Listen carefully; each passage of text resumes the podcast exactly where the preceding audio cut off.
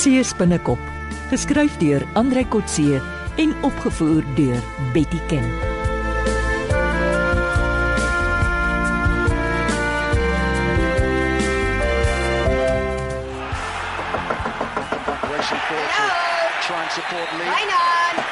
Uh, wie's daar? Ina, is dit jy? Kom in, kom in, kom in. Wag, ek moet net die TV mute. Nie. Wat kyk jy? O. Sport, wat anders. Ek het net kom hoor of jy nie wil saamdraf nie. Net 3 km hierdie keer. Draf. Ek wil nooit weer die D woord hoor nie. Uh, Kom jy om jouself nou net te verlekker in my verleentheid? Hm? Ek kom eintlik verskoning vra. Ek moes 'n korter afstand gekies het. Nee, nee, toe maar, toe maar. Ek moes gouer opgehou draf het. My manlike ego was seker maar die groot rede vir my ondergang. Ondergang klink heeltemal te finaal. Asof jy vir altyd klaar is met draf. Ek het heeltyd terwyl ek krampe gehad het vir myself gesê, hierdie vroue mens wil seker maak ek draf nooit weer saam met haar nie. En wat sê jy nou? Wel, iets goeds het tog uit die hele ding gekom. O, en wat's dit? Die feit dat jy nou vir my kom kuier het. Nee, ek het gekom om met jou te simpatiseer en jou te versorg. Oh. En hier tref ek 'n couch potato aan, volkome gesond. Dan vat ek maar weer my noodopkussie en ek loop. Nee nee nee nee nee, nee moenie moenie moenie gaan nie. Ek bedoel, ooh, ek het so vreeslik pyn nog steeds. Wel, dan moet jy maar môre weer spreekkamer toe kom. Hoe sê hulle in die vloot? Siek rapporteer. Ek sien jou daar. nee nee nee, wag Ina. Ah, As jy sit, maak ek vir jou koffie. Hm? Nee, dankie. As jy kan lieg oor 'n vreeslike pyn, kan jy dalk iets in my koffie ook gooi en my ma het my gewaarsku teen sulke mans. Nooit ek beloof. Ek los vir jou die noodhulptassie. Daar's lekker kos in vir vanaand. Geniet dit. En as jy lus het, laat weet maar as jy eendag weer wil saamdraf. Christine,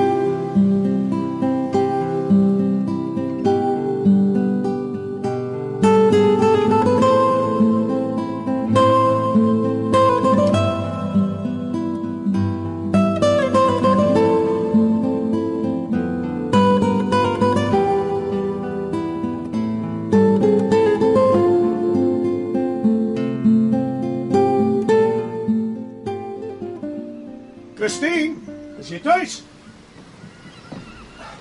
Iemand by die huis? Hier's ek in die sitkamer Johan. Wat skree jy so? Ek het jou nog nooit sien sit nie. Jy is altyd aan die hardloop. In die kantoor of in die kombuis. Hey, wat's fout? Het jy jou ook oor ys soos Wynand? Die arme Wynand vryf dit in nê. Julle sal die man ook nooit sy vernedering laat vergeet nie. Hy het hom uitgegee vir 'n atleet. Was jy toe by die bank om die 60000 rand terug te gee? Ja, maar dit bly nog 'n raaisel. Iemand het die geld spesifiek in my rekening inbetaal. Hm, so dit was nie 'n fout nie. Wel dit is beslis 'n fout. Ek ken nie eers die ouens wat volgens die bank die inbetaling gedoen het nie. Wie sê die bank was dit? Maar glo 'n vrou met 'n Chinese van wat in die Kaap woon. 'n Vrou. Maar eh, die bank moet mos tog vir haar kan opspoor. Hulle moet dit aan die vrou kan teruggee, anders gaan die geld verlore. Hulle het navraag gedoen. Die vrou het die rekening geopen met 60000. Die deposito in my rekening is dieselfde dag gedoen. Maar die rekeninghouer moes mos haar adres en besonderhede aan die bank gegee het. Maar die bank se verduideliking is baie vaag. Die adres is die van 'n Chinese winkel in die Kaap. Die opening van die rekening en die deposito was glo 'n fout. En die geld? Maar die winkel het gevra dat die 60000 rand teruggeskryf word na hulle hoofrekening. Het jy ingestem? Ek het geen sê nie, dis nie my geld nie. Het jy nie eers belang gestel in hoe die vrou lyk wat vir jou 60000 rand gestuur het nie? Ek weet hoe Chinese vroue lyk, Christine. Ek het 5 jaar in Taiwan deurgebring. Ek gaan nie Kaap toe om te gaan kyk hoe sy lyk nie. het jy nie dalk 'n geheime girlfriend wat jou wou beïndruk nie? Die enigste een wat ek ken, verhuur huise op Agulhas. Jy sal jou wat verbeel Johan Stein. Die dag as ek jou girlfriend word, moet hulle my asseblief by die suidste punt van die rotse af in die see stamp. Hoe so? Dit sal draagliker wees om vir ewig daar soos 'n meermin rond te swem as om Paul in jou geselskap te moet deurbring. Jy sê die mooiste dinge, Christine.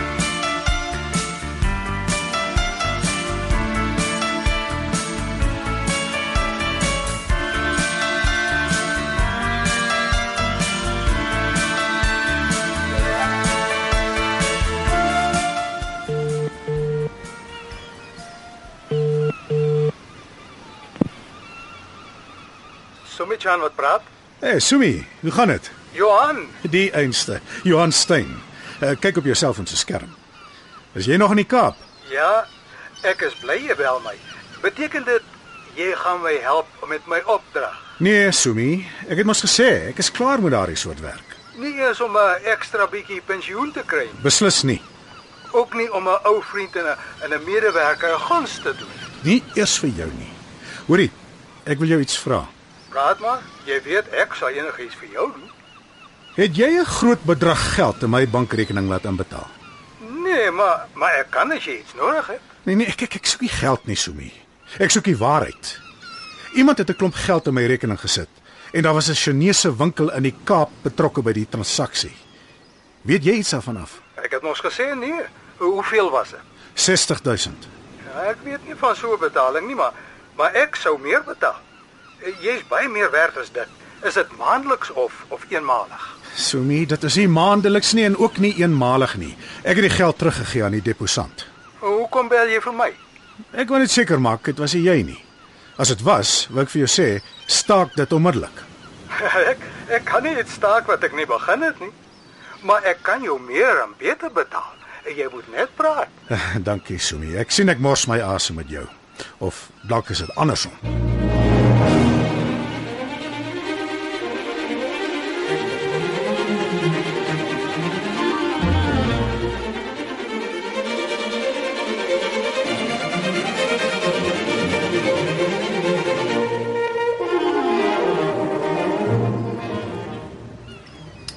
Tannie Christine. Uh, Het jy vir Ina gesien? Nee, hoekom? Uh, Ek het die mandjie met bakke gebring. Sy het gisteraand kos na my woonstel toe gebring. Sit dan meneer. Dis in elk geval my goed. Ek dink sy's gou dorp toe. Uh, sê asseblief vir haar dankie Tannie. Uh, sy noem dit haar noodhulpkassie. sê vir haar dit was goeie medisyne. Dit het gehelp. Jy moenie te veel vir haar omgee nie, Wynand. Ina is nog nie oor haar verloving wat so voor haar troudag gebreek is nie. Sy sal nie gou weer 'n man vertrou nie. Sy het vir my ook so gesê Tannie. Ek lees niks en ek verwag niks van haar nie. Dis hoekom ek die aandag waardeer. Sy het seker maar skuldig gevoel. Ja. Uh, dan loop ek maar weer. Wynand, wag. Uh, sê vir my, wil jy aanbly in jou woonstel as Johan uit syne wegtrek? Hoe bedoel Tannie wegtrek? G gaan Johan dan weg? Nee, maar hy het mos huis gekoop net verder af in die straat. Die strooidakkie. Het jy nie geweet nie? Nee. Johan sê niks as jy hom nie spesifiek uitvra nie. Dit kan jy nog 'n keer sê. 'n Mens moet sy geskiedenis, sy herkoms, sy verlede, hede en toekoms alles uit hom uittrek. Ja. So dan is sy blyplek vakant. Ja, jy kan soontoe trek as jy wil. Dis 'n beter woonstel as joune. So bietjie duurder, maar gerieflik. Jy moet net sê. Dankie. Uh, laat ek bietjie daaroor dink. Daar's goeie huise in die mark. ek wonder hoekom hy so klein huisie koop. Dit moet jy homself vra. Sy behoeftes is seker maar min. Hy het mos nie kind of kraai nie. Hallo Christine. Ah, praat van die duiwel. Hallo Johan. Ja, Wynand. Ek is bly jy's weer op die been. Letterlik. Ja, dankie. Koffie vir iemand? O, dit sal lekker wees. Uh, Toe ek Wynand se bakkie hier sien, toe wonder ek juis of hy nie my koffie staan uitdrink nie. Ek het nie geweet van jou huiskopery nie. Hoekom het jy so 'n kleintjie gekoop? Daar's paleise hoër op die Nagala se hoogtes. Ja, maar nie een so naby aan Christine. Ah, hy trek jou been Wynand. Dit het niks met my te doen nie. Hy soek net gratis koffie elke middag. Jy het my nooit gesê jy gaan 'n grondbesitter word nie. Mm, hy's te geheimsinnig Wynand. Hy's soos 'n spinnekop. Vanaand is jou huis skoon, en môreoggend sit 'n splinternuwe spinnerak teen die plafon. Waar kom jy aan hierdie spinnekop storie tannie? Laas keer het jy hom 'n see spinnekop genoem, né? Hy wil mos niks doen om skurke aan die kaak te stel nie. Hier sit ons met stroopers wat ons openlik uittart en hy sit en wag dat hulle self in sy net moet beland. Ja, sy verwag dat ek soos 'n wafferse Spider-Man die gemeenskap moet red van die skurke. Hm, dit sou beter wees as om op jou eentjie in 'n strooidakhuis te gaan sit en wag vir beter dae. Johan, sê wil jy moet met jou gryphakke en nette die skrikke vaswikkel in jou spinnerak sodat hulle nooit weer loskom nie. Toe maar spot maar. Ek en Ina sal alleen die stroopers loop aankla en betoog tot ons kus bevry is van seerowers. Uh Ina ook. Is sy ook 'n kampvegter vir bewaring? Ja, natuurlik. Julle moet bykom. Sy dink niks van 'n klomp leeglers wat in huise en woonstelle wegkruip terwyl stroopers ons kus kaal stroop van seelewe nie. Ja, daar gaan ons alweer. Wynand sê tog vir Christine ek het my dag gehad. Jy kan maar self sê jy hoef nie deur 'n tolk te praat nie. Wat hy sê ek dit nou. Amptelik en finaal voorgetuies. Ek is klaar met die dinge wat julle spionasie noem. Dan vra ek jou voorgetuies, hoekom nou, nou dat ek jou nodig het? Omdat dit nou tyd geword het dat ek rustig onder my eie vyeboom en druiwepreel kan sit in hierdie land van melk en honing. Terwyl die Filistyne jou land uitroei. Christine, wil jy nou wragtig hê ek moet so Samson teen die Filistyne loop veg? Soos Delila van ouds. Samson, die Filistyne is op jou. Spot maar Wynand. Aan wiese kant is jy? Ek gaan nie kant kies nie. Ek gaan net vyande maak. Nog 'n draadsitter. Ek sal vir Ina vertel dat jy ook soos 'n seespinnekop deur die golwe heen en weer geslinger word. Los nou die afpersing, Christine. Die arme man het gister met Ina 'n verkeerde perd opgesaal. Hy lê nog 'n skok oor daardie keuse en nou verwag jy hy moet kies tussen twee gawe mense soos ek en jy. Jy 'n gawe mens. Gaaf teenoor skurke en skelms